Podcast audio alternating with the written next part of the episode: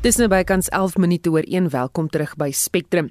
Inwoners van die Naledi gemeenskap in Soweto het vroeër vanoggend probeer om die tussenverkiesing in die gebied te verhoed. Dit volg op ontsteltenis oor 'n gebrek aan elektrisiteit nadat 'n transformator gebreek het en nooit weer herstel is nie. Die kwessie is intussen ontlont en die verkiesing loop na alle aanduidings vlot in die res van die land. Malene Forsie het meer besonderhede.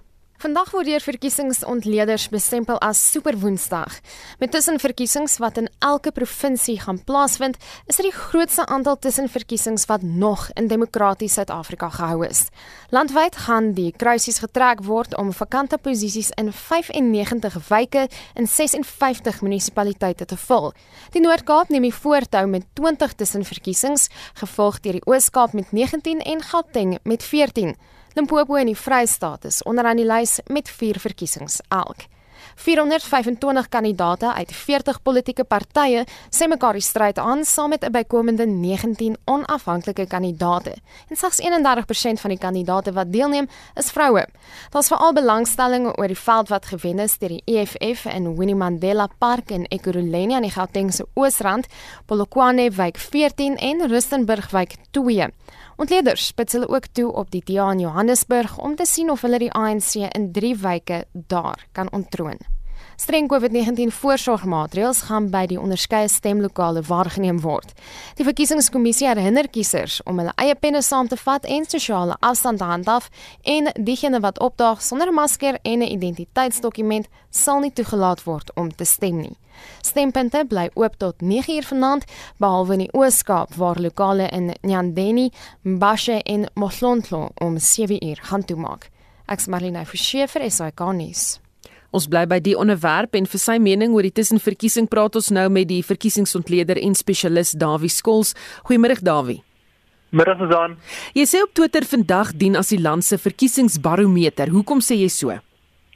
Maar ek dink ons almal weet dat daar baie lank terug tussen verkiesings was in Suid-Afrika, die die saak, weet ons met COVID-19 in die jaar was daar geen tussenverkiesings meer vir baie lank tyd nie. Uh, en dit is ook so baie teen skoot het want uh, al die wat die jaar moet gehou word het opgehoop na vandag toe. So dis 'n baie groot hoeveelheid kiesers wat ons kan sien wat hulle stempatrone gaan wees en wat ons bietjie kan observasies maak oor hoe kiesers reageer oor die dink onstuimige ekonomiese en politieke jaar wat ons agterreg het. Uh so dis so dis 'n baie interessante geleentheid vir ons om bietjie te analiseer en te kyk hoe kiesers voel oor die stand van sake. Is daar wyke wat vir jou uitstaan? Ek dink daar's 'n hele paar daai Johannesburg wyke wat nou nog genoem is is, is baie interessant om soms te sien hoe die DA vaar in in daai wyke en om te sien of hulle Gauteng ondersteuning kan behou. Maar ek dink ek dink eintlik is die storie nie so baie oor spesifieke wyke nie, maar meer oor die groter tendense wat ons sien as ons na die ehm um, die tendense kyk oor al die wyke. Dit is soos die resultate môreoggend inkom as ons na die syfers kyk ehm um, in groot mate dink ek stel ek bietjie meer belang in van die groter tendense wat ons onlangs ons politiek gesien het. So die een tendens wat vir my baie interessant is is om te kyk na ehm um, Afrikaanse kiesers wat oor is van die DA af na die Vryheidsfront Plus toe. Ehm um, is in die wyke wat relevant is vir daai tendens of dit nog steeds voortgaan en die DA van daai kiesers begin terugkry.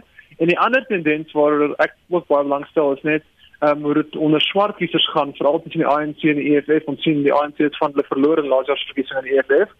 En ek dink baie interessant is om te sien hoe die uh stempatroon in daai gemeenskap is of in baie baie van daai gemeenskappe is tussen die EFF en die ANC. Ehm um, dit is ja, het 'n groot impak oor ons groot nasionale tendense.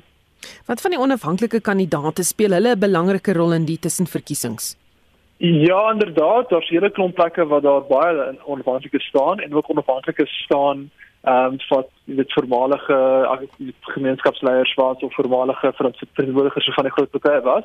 So ek dink aan van die plekke kan die onafhanklikes 'n impak hê uh wat dalk die uitslag in van die wyke kan kan affekteer of so onafhanklikes kan ook selfs plek plek wen. En as ons moet mooi kyk daarvoor, maar ook ag moet neem wanneer ons kyk na die tendense wat ehm um, wat ons landwyd op die projekteer. Kan ons hierdie verkiesings beskou as 'n voorsmaakie van wat ons volgende jaar kan verwag tydens die munisipale verkiesings? Ek dink dit is definitief ons beste voorsmaakie wat ons kan kry hierdie jaar gegee word die hoeveelheid kiesers wat vandag gaan stem. Uh dink ek is dit 'n baie belangrike soos ek sê barometer vir hoe dinge lyk like volgende jaar. Die afspraak is nog 'n lang tyd tussen nou en volgende jaar se verkiesing, maar dit is die die eerste goeie stuk data wat ons het om te sien hoe dinge lyk like volgende jaar. Baie dankie. Dit was 'n verkiesingsontleder en spesialis Dawie Skols. Sewe verdagtes wat verlede maand in verband met die asbesskandaal in hegtenis geneem is, het vlugtig in die Bloemfontein se streekhof verskyn. Die saak is tot 19 Februarie volgende jaar uitgestel. Die sewe beskuldigdes in vyf maatskappye staan tereg op meer as 60 aanklagte van bedrog, korrupsie en geldwasery. Vir die agtergrond van die saak praat ons met die ondersoekende joernalis by Daily Maverick en skrywer van die boek Gangster State, Pieter Louw Meiburg. Uh, Goeiemiddag Pieter. Middag Susan, middag aan die luisteraars.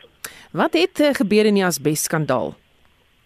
Man sê hier rondom 2014 Susan het die Vrystaatse Departement van Behuising 'n uh, allementige kontrak van 255 miljoen rand toegeken aan 'n uh, joint venture van twee maatskappye om eintlik my essensieel as asbesstakke te tel. Vir dit as best audit genoem en die beter dan as weer nadat die problematiese asbesstakke geïdentifiseer is, sou dit verwyder word het ongelukkig die volle bedrag in hulle sakke gesteek en waar dit geen aspekte verwyder nie. Die finansiële element van dit, die korrupsie element in kort wat nou begin uitspeel is dat is dat uitgewys het in die bekendste tyd is dat daar baie duidelike tekens is dat meer magasiele natuurlik 'n hele rits ander individue ook uh finansiëel baat gevind het by die kontrak of minstens van die geldvloeie um, in sekere rigtings gedruk het om om sekere mense te uh, te bevoordeel. So waarom staan die saak uit?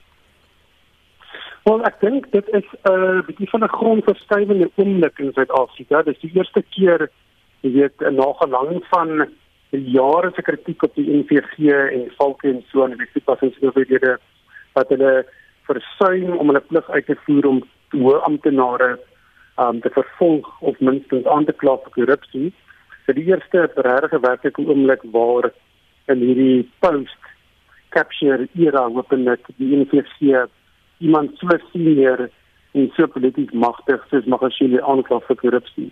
Dit is absoluut dis beslisse die van 'n baanbrekers oomblik dan van die NVC se belofte dat hulle nou huiskoon gemaak het in korrupsie op alle vlakke begin begin tackle.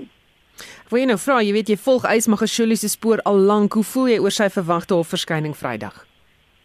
Ja, ek ek dink dit is so, dit is natuurlik bly want dit wys dat die stelsel tot 'n mate werk daarin. Jy weet mense wil in 'n samelewing bly waar wanneer korrupsie in die groot klok gehang word of dit nou 'n koerant of 'n aanlyn publikasie of 'n boek is, dat die owerhede dit minstens ernstig genoeg vat om behoorlik daarna te kyk en dan indien nodig uh, vervolgens uit te rol. So in hierdie geval het dit wel gebeur.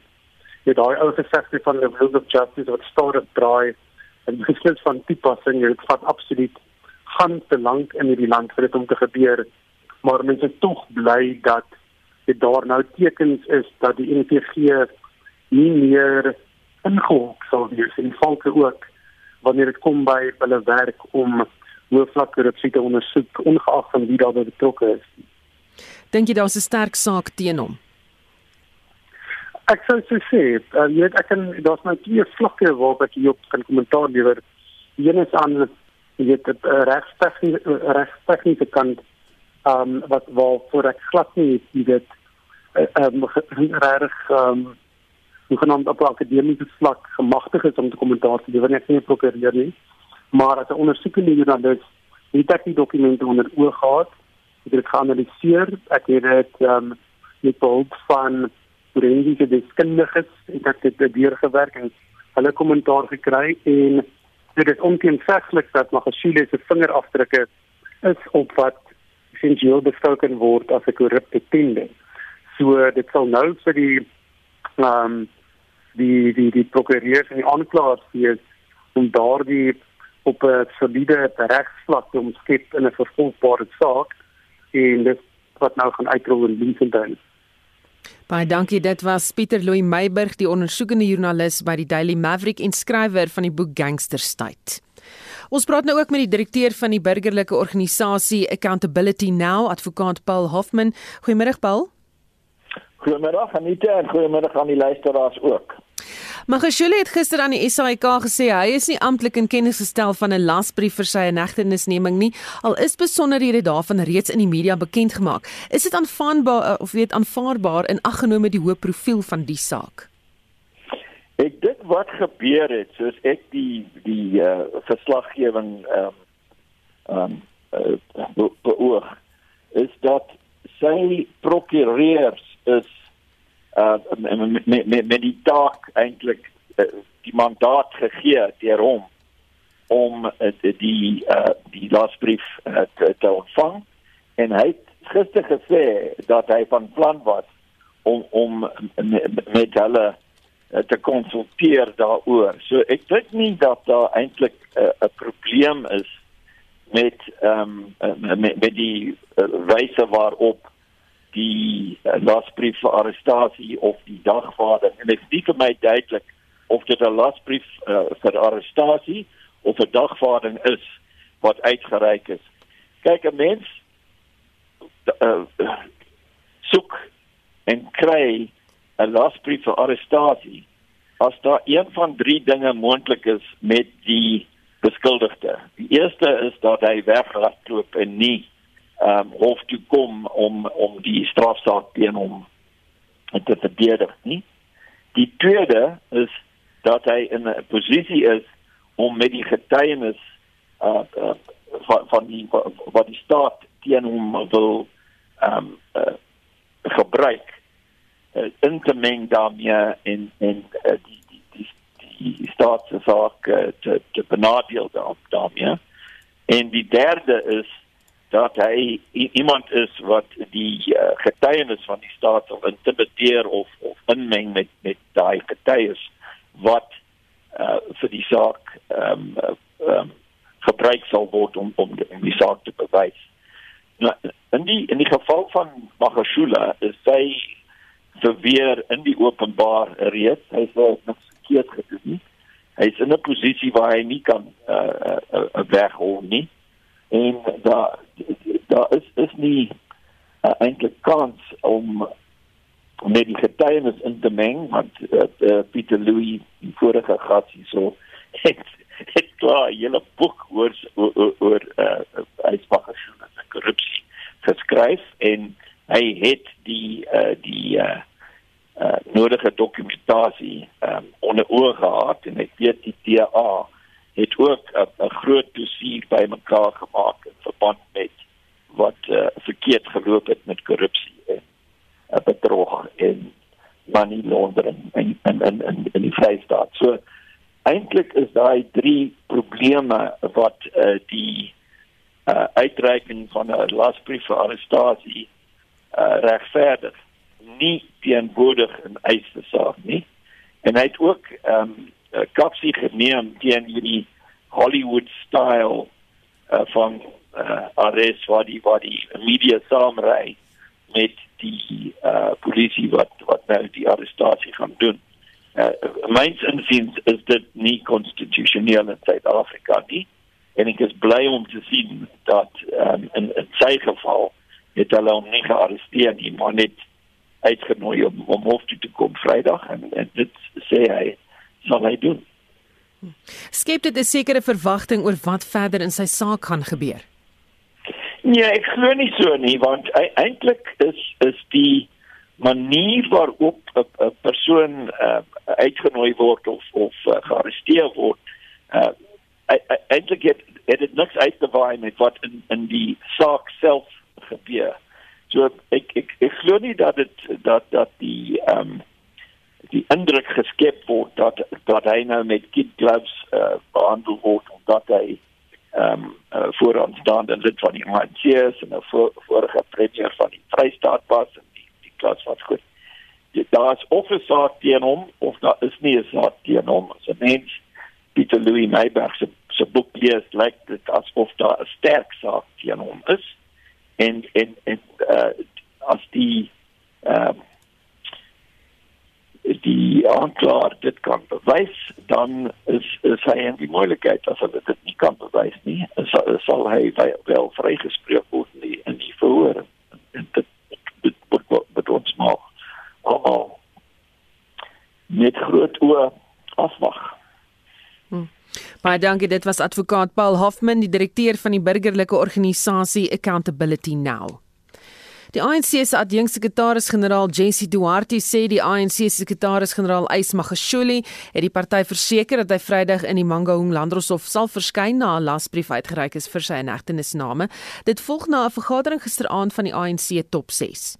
Comrade Magashule briefed the officials about the content of the letter he received which indicates that he will be charged under section 34 of the Prevention and Combating of Corrupt Activities Act.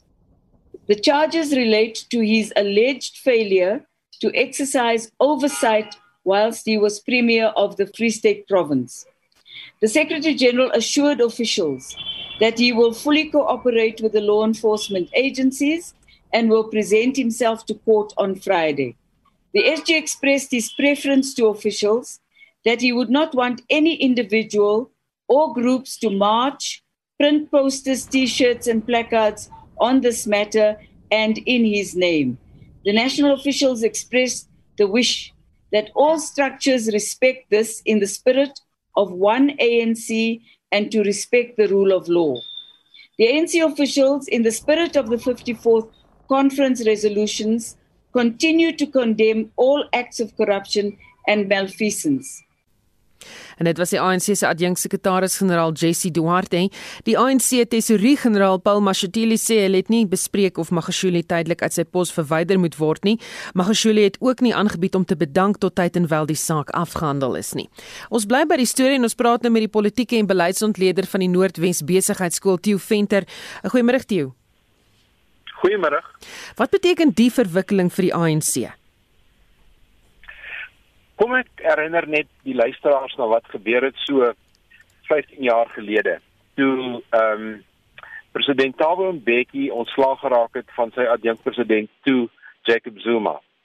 En Jacob Zuma het gepleit dat uh, Thabo Mbeki ingemeng het met die met die regsproses en dat daar uh, eintlik 'n politieke motief was al was die beskuldigings teen hom van korrupsie en so meer. Maar die politieke impak was sterk genoeg dat hy ons nou al vir 15 jaar besig hou in die howe. Nou nou spring ek na waar ons nou is. So die rol wat die top 6 speel en veral meneer Cyril Ramaphosa is dis baie duidelik om nie polities betrokke te raak op enige manier nie en die regsproses so skoon en onaangetast te laat plaasvind as wat menslik moontlik is. So baie mense wil hê en sê nou vir Ramaphosa toe nou het jy die man in 'n hoek, um, vat hom nou. Jy weet um, asof hulle nou wil wil vinnige aksie hê, maar dit gaan 'n fout wees want as jy dit doen, dan gaan die simpatie van die proses gaan op die slagoffer.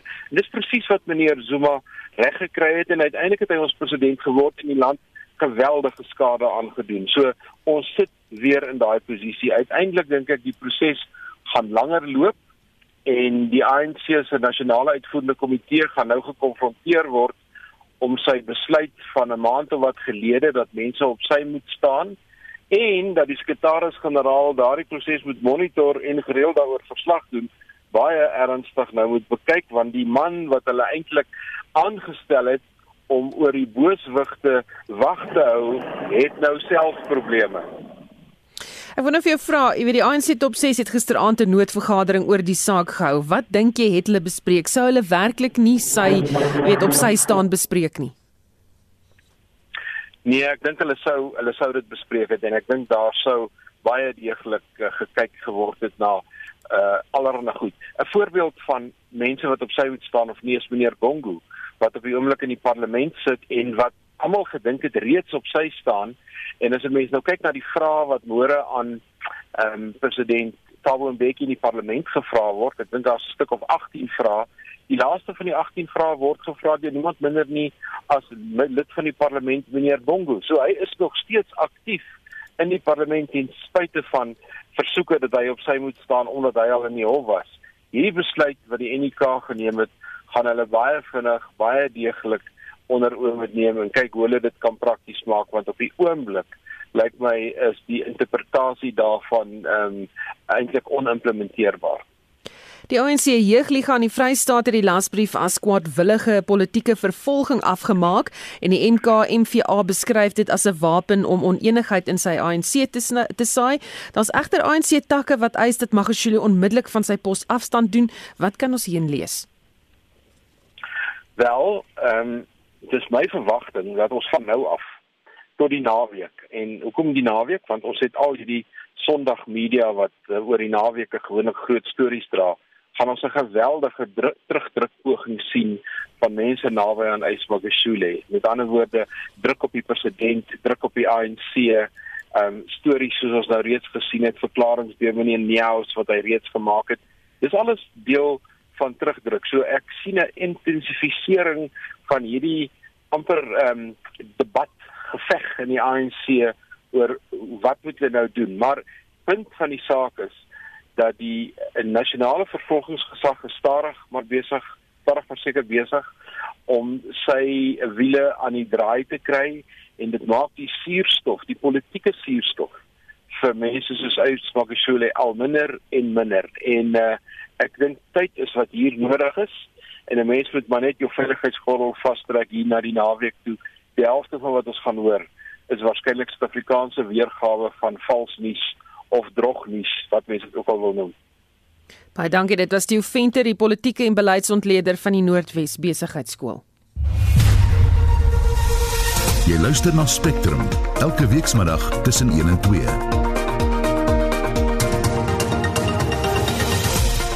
In die program die adjunksekretaris-generaal van die ANC, Jessie Duarte, het uh, tydens 'n virtuele nuuskonferensie gesê die party se sekretaris-generaal, Ys Magashule, sal sy volle samewerking aan die wetstoepassingsagentskappe gee.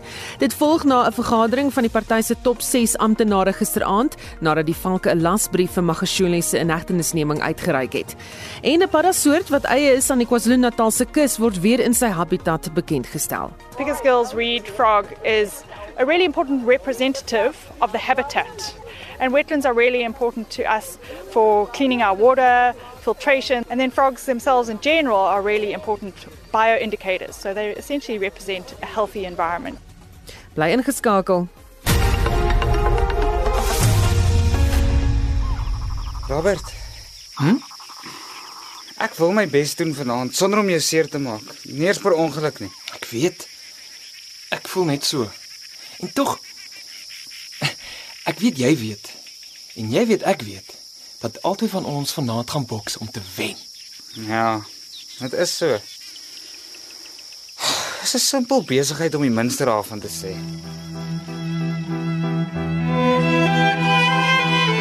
Luister elke weekmiddag om kwart voor 3 na Die Wilde Drui Val deur Pianorkie vir RSG verwerk deur Eben Kruiwagen. Daar is geen verkeer. Weskaap Kaapstad was daar 'n botsing op die R300 suid net na die N1, dan was daar ook 'n botsing op die N1 stad uit net na Okwango weg. In Gauteng Johannesburg staan 'n voertuig op die N1 suid net na Ellendale weg en dit is jou verkeersnuus. Bykans 1334. Jy luister na Spectrum. Agri SA verwelkom die goedkeuring van die minister van Minerale Hulpbronne energie en Energie vir die nasionale energiereguleerder van Suid-Afrika, NERSA, om voort te gaan met lisensieaansoeke vir selfopwekkingsfasiliteite van meer as 1 megawatt en die verwerking daarvan. Nicole Jansen, Agri SA voorsitter vir ekonomie en handel uh, en die sentrum vir uitnemendheid se uh, die goedkeuring beteken dat dit nie meer vir voornemende aansoekers nodig is om ministeriële goedkeuring te kry vir die afwyking van die ERP 2019 nie alvorens hulle aansoek by Nersa doen om 'n lisensie te bekom nie. Die onlangse persverklaring deur die departement van mineraal en energie sake maak voorsiening daarvoor dat landbou dan ook groter as 1 megawatt hernubare energie projekte kan aanpak. Nou dit is baie goeie nuus. Agri Suid-Afrika het alreeds in die afgelope paar jaar gevra waarom die beperking ten opsigte van 1 megawatt. Hoekom landbou uh, redelik aan die agterspeen suig ten opsigte van die geleenthede ten opsigte van hernubare energie. So daarom word dit baie goed verwelkom. Wat verder ook welkom is ten opsigte van hierdie persverklaring van die departement is dat daar dan 'n lisensie aansoek by Nersa gedoen moet word wat normaal in reg is, maar dat jy groter as 1 megawatt dan nie dieselfde uh, goedkeuringsroete hoef te volg as wat IPPs moet volg in terme van 'n tenderprojek vir groter as 1 megawatt nie. So dit maak dit dan ook makliker om die lisensie gedeelte dan te doen vir landbou. Hierdie is ook die voorloop om krag te begin wheel op die nasionale netwerk. Nou ek het nie 'n Afrikaanse term vir dit nie, maar dit beteken dat jy op een plek 'n krag opwek en op 'n ander plek die krag kan gebruik via die Eskom netwerk. En en hierdie uh, regulasies en en uh reëls rondom hierdie moet nog binne Eskom en Nersa ontwikkel word, maar ten minste is die goedkeuring binne die departement gegee word. Nou hoekom hierdie hele persverklaring so goeie nuus is, is as jy moet dit begin saamlees ten opsigte van waarmee Eskom besig is. Andre de Ruyter van Eskom uh, sê baie duidelik dat die trein het die stasie verlaat in terme van die ontbondeling van Eskom in drie dele en dat hy 'n groot voorstander van 'n onafhanklike netwerkoperateur is. Nou indien dit dan ons ons toekoms is en landbou kan sy eie krag begin opwek vir eie gebruik, maar surplus energie wanneer hy dan surplus in tye van surplus het, dit begin privaat verkoop want hier is ook deurslaggewend die hofsaak van Kaapstad dat munisipaliteite by privaat kragverkopers kan krag aankoop. Maak dit dan vir landbou in die toekoms moontlik om ook privaat verhandeling van energie by betrokke te raak en dit dan ook van een plek na 'n ander plek deur die netwerk te kan versprei. So dit is 'n baie groot deurbraak vir landbou en dit maak ons opgewonde. Sal dit byvoorbeeld onder andere kan eh, geld genereer vir boere en ook dan nou miskien uh, koste sny wat betref die aankoop van krag? Die die eerste doelwit is altyd binne landbou vir eie gebruik, vir selfopwekking. So dit is dan om jou eie energiekoste af te bestuur want op 'n stadium raak jou hernubare energiebron, jou sonpanele of wind of wat jy ook al gebruik, raak afbetaal. En wanneer hy dan afbetaal is, het jy dan 'n 'n laer koste as wat dit eintlik kan wees. Verder begin jy dan ook jou stygings in energietariewe beperk deurdat jou projek opgerig is en jy weet waarteen hy produseer. So dit gee meer stabiele insetkoste ten opsigte van van energie. So dit is 'n groot voordeel vir landbou. En dit was Nicole Jansen, Agri SA voorsitter ekonomie en handel by die Sentrum vir Uitnemendheid. Ons bly by energie sake. Die nasionale energiereguleerder of NERSA sal vandag 'n voorlegging deur die minister van minerale en energie, Gwedi Mantashe, oorweeg. Die voorlegging van die minister het te maak met die afdeling 34 bepaling vir die kernkragontwikkelingsprogram. Die voorstel is om 2500 megawatt kernkragkapasiteit aan te skaf. En ons praat nou met 'n senior lektor in chemiese en mineraalingenieurswese aan die Noordwes Universiteit, Corneel Skambort, oor wat presies die minister hiervoor aansoek doen. Goeiemôre Corneels. Middag Susan en middag aan die luisteraars. Waarvoor vra die minister hier? Wel, ehm um, Susan, wat gebeur het, dit is reeds goedgekeur, uh waarvoor gevra is. Dit was vanoggend in 'n vergadering het uh die minister gevra dat 'n konsultasieproses kan begin word vir die uitbou van Suid-Afrika se kernkapasiteit. So ja, daar is 'n goedkeuring gegee vir 2.5 gigawatt addisionele kernkrag nie, maar daar is wel goedkeuring verleen om 'n konsultasieproses van stapel te stuur ten einde goedkeuring te kry en dit wil blyk asof die die pad vorentoe is om hierdie goedkeuring te verkry teen Mei 2021. Nou, ehm um, wat is NERSA se rol hierin? So NERSA se rol is om te bepaal dat daar wel 'n konsultasieproses sal sal plaasvind. Nou die probleem Suzane is is dat die ERP, met ander woorde die geïntegreerde hulpbronplan wat reeds goedgekeur is en wat die pad vooruit aandui vir elektrisiteitsvoorsiening in Suid-Afrika, as ons kyk na die ERP, dan sal ons sien onder item 5 en 3.6 is daar reeds besluit en reeds belangrik dat Suid-Afrika moet begin met voorbereidings vir die uitbouing van 2.5 gigawatt kernkrag.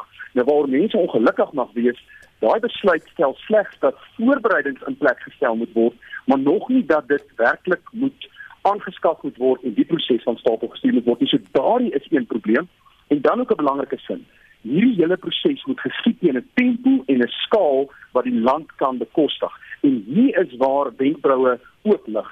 So eerstens die feit dat die regering dalk te vinnig is met hierdie hele proses en tweedens dat die tempo en die skaal Suid-Afrika nie op hierdie stadium van die geveg kan bekostig nie. As ons kyk na hernubare moontlikhede en dit was baie goed in die vorige insetsel ook aangespreek, is baie beter om na te kyk na son en wind as kern op hierdie stadium van die geveg. Is en die wêreld beweeg in 'n rigting weg van kernkrag af. So ek, weet nie waarmee is Suid-Afrika noodwendig besig om op hierdie stadium van die geveg te kyk na kernkrag. So NERSA se rol gaan wees om op die einde van die dag finaal 'n oordeel te vel hierin, maar tot dusver was daar geen konsultasie met Jan Alleman. Watter lande sou tipies belangstel om deel te wees van die projek? Wel, ons sal moet buiteland toe gaan, so daar is 'n paar lande wat gelys is wat moontlik belangstel, die VSA, Japan, ons 'n paar Europese lande en dan ook Rusland en China. So ons is eintlik terug by 'n situasie waar ons 'n paar jaar gelede was en toe was daar groot chaos want almal het geweet as ons kyk na Suid-Afrika, ons kyk na Kusile, ons kyk na Medupi, is dit hierdie is groot projekte. Die die ander probleem wat ons het, is nie net die koste nie. As jy die ERP lees, staan daar spesifiek, hulle wil nie 'n groot vloot kernreaktore hê nie. Hulle wil eerder modulêre kleiner reaktore bou. Nou dit mag dalk goed wees, maar Suid-Afrika gaan die proefkonyn wees vir hierdie nuwe tegnologie wat nog nie wêreldwyd regtig uitgerol is nie. So daar's weer eens 'n probleem met hierdie voorgestelde toevoeging van 2.5 gigawatt kernkrag. Baie dankie, dit was 'n senior lektor in chemiese en mineraalingenieurswese aan die Noordwes Universiteit Cornelis Skabort. Ons beweeg na die sportveld met Shaun Jooste. Ons begin met golfnuus. Die groeperings vir hierdie week se eerste twee rondes van die Meesterstoernooi by die Augusta Nasionale Golfklub is bekend gemaak. Suid-Afrika se Louis Oosthuizen bevind homself saam met die wêreldnommer 2 Gonram van Spanje en die Amerikaner Bryson DeChambeau. Charles Schwartzel het die Aussie Jason Day vir geselskap gekry. Erik van Rooyen is in groep 17, Justin Harding in 18, Christian Besaidnout in 26 en Dylan Fratelli in groep 28. Die wêreldnommer 1 en 4 Dustin Johnson van Amerika en Rory McIlroy van Noord-Ierland is saam in groep 27 geplaas. Rugby. Die All Blacks het Ofa Tungafasi gaan die res van die drie nasies toernooi misloop nadat hy vir 3 spelende weke geskort is vir 'n gevaarlike duikslag op Tom Wright in Nieu-Seeland se 24-22 nederlaag teen Australië oor die naweek. Rugby Australië het ook aangekondig dat hulle 2021 Super Rugby reeks op 19 Februarie afskop met die eindstryd wat op 8 Mei gespeel word. Hulle vyf franchises, die Brumbies, Rebels, Reds, Waratahs en Western Force sal weer oor 10 weke meeding waarna die uitspelfase begin. En laastens in sokkernuus. Vanaand in die derde kwalifikasieringsronde vir die Afrika Nasies beker toernooi, draf Kenia teen die Comore-eilande, Mauritanië teen Burundi, Senegal teen Guinea-Bissau en Libië teen Ekwatoriaal Guinea op die veld uit, om net 'n paar te noem. Die wedstryde skop 6 uur af. Shaun Jooste van RSG Sport. Pastor Timothy Omotoso se aansoek om verlof tot appel het in die Hooggeregshof in Port Elizabeth misluk. Regter Philip Zilwa sê dit is onwaarskynlik dat 'n ander hof tot 'n ander gevolgtrekking sal kom. Ons praat nou met ons verslaggewer by die hof, Veronica Fourie. Goeiemôre Veronica. Goeiemôre Susan. Hoekom is die aansoek van die hand gewys? Regter Zilwa sê hy het al die ou feite van die borgaansoek en die nuwe feite wat die uh, verdediging gebring het uh, onder oog gehad. Hy het dit goed bestudeer en hy sê hy het besluit dat daar nie regtig nuwe feite was nie en dat daar geen uitsonderlike omstandighede is dat hy met borg toestaan nie of dat hy nou moet verlof tot appel moet toestaan nie. Hy glo dat enige ander hof sal saam met hom stem oor die besluit wat hy reeds geneem het en ehm um, toe het hy gesê dat hy sien geen rede hoekom hulle 'n uh, ander hof moet nader ehm um, nie hy daar is geen manier dat hulle sukses sal hê nie en daarom weier hy die verlof tot appel. Nou die ehm um, regter het verder gesê dat ehm um, hy moet in hegtenis bly en al die voorwaardes soos wat dit nog al die tyd was bly in plek. Watter opsies het hy dan nou? Wel sy regverteenwoordiger het gister gesê as die regter vir hom ehm um, weier dat hulle kan verlof dat hulle kan appeleer teen die beslissing, dan sal hulle 'n petisie rig aan die appelhof. Nou ehm um, hy het dit nie vanoggend in die hof gesê nie, uh, aan die regter nie, so uh, ek glo dit is wat hulle sal doen, hoewel hy dit nou nie vanoggend weer uh, gesê het in die hof nie. So wat gebeur nou verder? Ja, die ehm um, hoofsaak behoort nou vandag 2 uur te begin. Hulle het eintlik al kort nadat ehm um, regter Zilwa die borgaansoek of die verlof om borg uh, afgehandel het, um, het hy die bank verlaat en toe het um, regter Irma Skuma nou oorgeneem. Sy is die een wat die uh, hoofsaak moet hanteer, die verhoor en um, sy het toe uh, op versoek van die staat die hof er, vir 'n rukkie verdaag tot 2 uur vanmiddag toe sodat hulle aanpassings kan maak aan die klagstaat en ook uh, blykbaar is daar gesê dat hulle gaan van die getuies van, van mense wat reeds getuig het verwyder. So 2 uur behoort die saak te hervat. Baie dankie, dit was ons verslaggewer Veronica Fourie. Die 2021 Toyota US Woordfees word aanstaande jaar vir die eerste keer in September aangebied. Om meer uit te vind oor die besluit, praat ons nou met die direkteur van die Woordfees, Saartjie Botha. Goeiemôre Saartjie. Hallo Susan. Van uh, wanneer tot wanneer is die fees nou? Wat is die datums? Ons gaan volgende jaar fees hou van die 17de tot die 24ste September. 'n uh, ehm, Bietjie korter as gewoonlik en natuurlik nou vir die eerste keer 'n lentefees. Hoekom die besluit? Dit was 'n baie moeilike besluit. Kyk, die wêreld is op sy kop gekeer as gevolg van van COVID. Ehm um, en die kunstebedryf veral is baie hard geslaan met baie ontwrigting en uh, hoewel sekere sektore van die kunstebedryf weer funksioneer, is daar heelwat uh, kunstenaars wat sedert ehm um, baie sedert die woordfees nog nie weer gewerk het nie. So ons is baie ons het ons besef die nood en ons wil graag waar ons kan platforms kunstenaars skep om werk te lewer. Maar die die finansiële risiko is in hierdie stadium eenvoudig net te groot. Dis 'n dis 'n groot proses om 'n fees gereël te kry en um, ons het gehoop dat dat ons syfers teen hierdie tyd beter gaan lyk en dat ons inperkingsmaatreëls minder streng gaan wees veral wat kapasiteit betref maar ons moet nou 'n fees beplan met die geldende protokolle wat beteken dat ons in ons een teater die Armsmol auditorium uh, wat 'n 324 sitplek auditorium is net 51 mense kan dat sit. Ehm um, wat dit onbekostigbaar maak. Ons gaan of die kaartjiepryse so duur maak, ehm um, uh, of uh, ons gaan teen 'n geweldige verlies uh, aangebied word en dit finansiëel maak dit net nie sin nie. Gaan die datums nie bots met ander kunstefeeste nie? Nee, ons het sover ons probeer, sover ons kon, ehm um, is ons uh, ons los juis 'n probleem op deur die fees na September te skryf dat in die verlede was die woordfees met KAKNK baie naby aan mekaar. Ehm um, en dit het allerlei logistieke probleme veroorsaak. Um, en dit ook weet um, druk op kunstenaars gesit. Nou is die uh, is die fees wat die naaste aan aan aan die woordfees sou wees, die aardklopfees wat nog nie hulle datum bekend gemaak het nie, maar hulle tradisionele vakansiefees en die bootfees is nie 'n vakansiefees nie. So ons hoop dat ons uh, 'n uh, goeie samewerking ehm um, potensiaal met met Art op handhaaf. Ehm um, en ek vermoed hulle sal as die meer sekerheid sekerheid het oor Noordwes Universiteit se se rooster vir volgende jaar sal hulle ook hulle datum aankondig, maar dit moet uh, om hulle hulle moet in die vakansie um, val. Ons hoef nie in die vakansie te val nie. So ons het 'n klein bietjie meer beweegruimte as die ander feeste. Baie dankie. Dit was die woordfeesdirekteur Saartjie Botha. Omgewingsnuus in wat as 'n hupstoot vir biodiversiteit beskou word, is 'n paddasoort wat eie is aan die KwaZulu-Natal se kus weer in sy habitat bekend gestel. Picker's Girl se rietpadda, soos die dier bekend staan word as ernstig bedreig geklassifiseer. Die poging om die padda se getalle te herstel is hoofsaaklik te danke aan 'n biodiversiteitsbestuursplan van die Departement van Omgewingsake wat in 2017 gepubliseer is. Die plan het wetenskaplikes van die eThekwini munisipaliteit, Johannesburg Parke en Dieretuin en die Trust vir Bedreigde Natuurlewe in staat gestel om saam te werk om die pandasoort te red.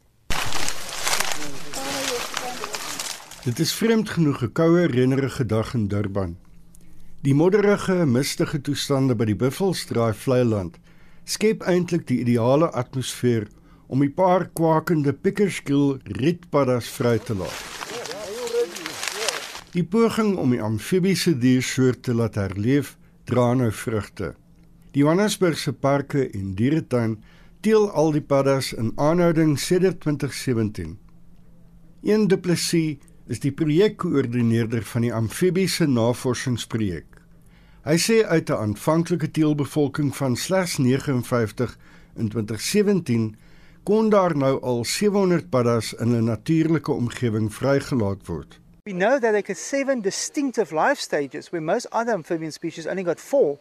And we also know that there's more males that's actually being hatched than females. Females live longer in captive environment. Even the feeding that we found is that other um, reed frog species has been noticed to be cannibalistic in a tadpole phase or basically eating on other dead specimens whereby the Pickersgill reed frog tadpole is completely herbivorous.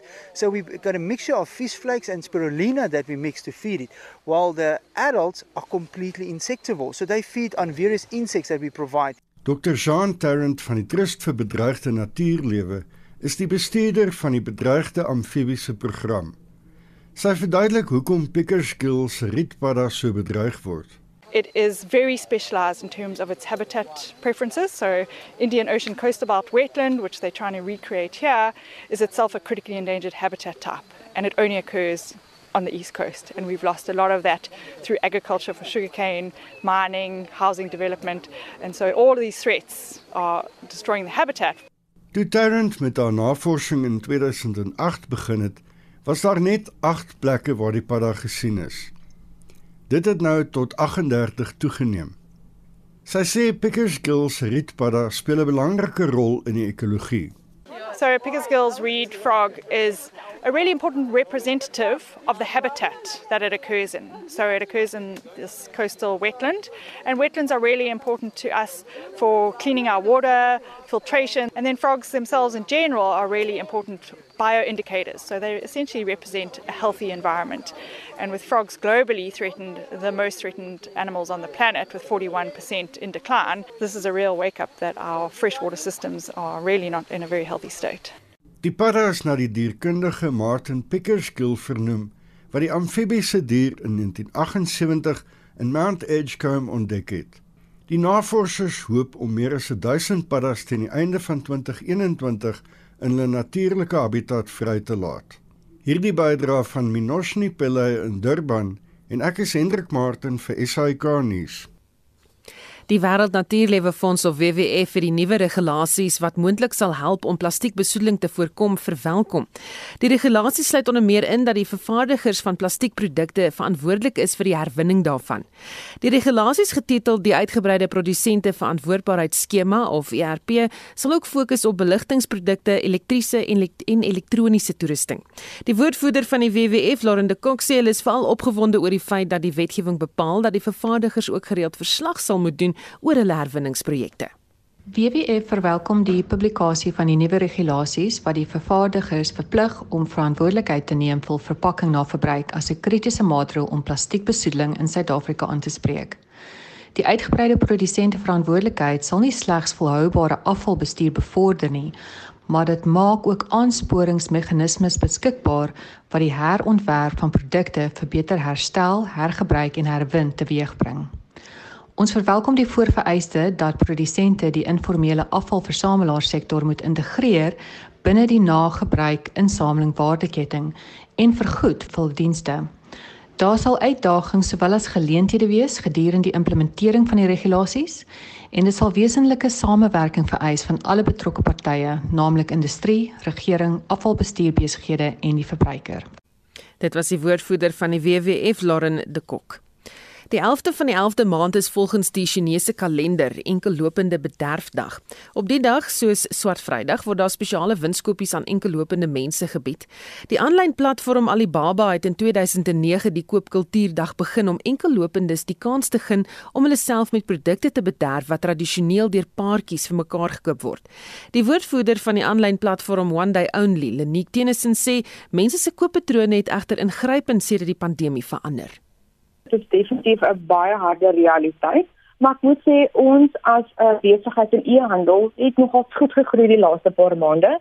Ek dink omdat ons met bekostigbare produkte ingaan en ons doen goeie aanbiedinge elke dag, behoort ons vir die mark te sê julle julle hoef nie elke dag groot te koop nie, maar hier is 'n ietsie spesiaal. Bederf jouself sodat in jou mandjie betaal en kyk mooi na jouself. Ge gebruik jou geld goed en vir jou eie doel en iets wat jou gaan help op hierdie stadium gedurende hierdie tyd. En uh, dit was die woordvoerder van die aanlyn platform One Day Only Lenique Tennyson. Die minister van Landbou, Grondhervorming en Landelike Ontwikkeling, Toko Didiza sê haar departement het reeds meer as 5000 aansoeke vir huur van staatsgrond ontvang. Die regering het verlede maand aangekondig dat sowat 700 000 hektaar se staatsgrond vir landboudoeleindes verhuur sal word. Justin Kennerly berig. Minister Didiza sê 'n ondersoek na grondregte is aan die gang om onder meer te verifieer hoeveel grond die staat besit, asook die aard van diegene wat reeds die grond beset. Sy sê die verhuuring van die grond is deel van die land se ekonomiese herstelplan. We therefore urge all South Africans to seize this opportunity and submit their applications online or at our provincial offices given that we are nearing the closing date. But we also hope that this process will ensure that those who might have had concerns their concerns have now been attended to so that they know that the land verification process and the advertisement of the farms in questions where there might be communities does not seek to remove those people, but is to actually confirm their rights on that land. Sy sê die meeste van die aansoeke is van jong mense, koöperasies, vroue en diegene wat reeds op staatsgrond boer met of sonder huurooreenkomste met die regering. The applicants that we're receiving are those people who some of them are farming on communal areas in small pieces of land as you know that the competition for both grazing and cropping in communal areas is actually one of the challenges but also some of them are young people who would like to enter into the agricultural space in the majority and I must say it's women who actually have either been having farm gardens. DISA is optimisties dat 'n onteieningswetsontwerp wat deur die parlement aanvaar word, sal verseker dat die wet nagekom word. This important bill will ensure alignment with the constitution as well as creating clear framework on how expropriation for public purpose and public interest will be undertaken. It is most important that we all need to familiarize ourselves with this legislation and make inputs to the parliamentary process as lawmakers craft the legislation that will become part of our legal framework. Volgens die DISA is geen amptelike klagtes ontvang oor afpersing of uitsettingsbriewe wat aan diegene uitgereik is wat tans op staatsgrond woon nie. Boere wat op staatsgrond werk wat deur regeringsamptenare met uitsetting of afpersing gedreig word, word versoek om dit aan te meld. Die verslag deur Daniel Shuma en ek is Justin Kennerly vir SI Garnis. Terwyl die Amerikaanse president Donald Trump voortgaan om beweringe van verkiesingsbedrog te maak, tot dusver sonder enige bewyse, het verkiesingsbedrog op kleiner skaal in Nieu-Seeland plaasgevind. Meer as 1500 bedrieglike stemme is Maandag in die vroeë oggendure in die land se jaarlikse voëlverkiesing uitgebring. Inwoners kan vir meer as 'n dosyn kandidaate vir voël van die jaar stem. Die stemme het die klein gespikkelde kiwi tot bo aan die puntelys gedruk en volgens Laura Keown, die verkiesingswoordvoerder, het al die stemme van een rekenaar se IP-adres gekom. Die stemme is intussen verwyder. Nou Fort Jackson Jill het in 1967 reeds gesing oor die vreemde wêreld waarin ons lewe met hierdie treffer Master Jack. It's a strange, strange world we live in, Master Jack. You taught me all I know and I never look back. It's a very strange world, and I thank you, Master Jack.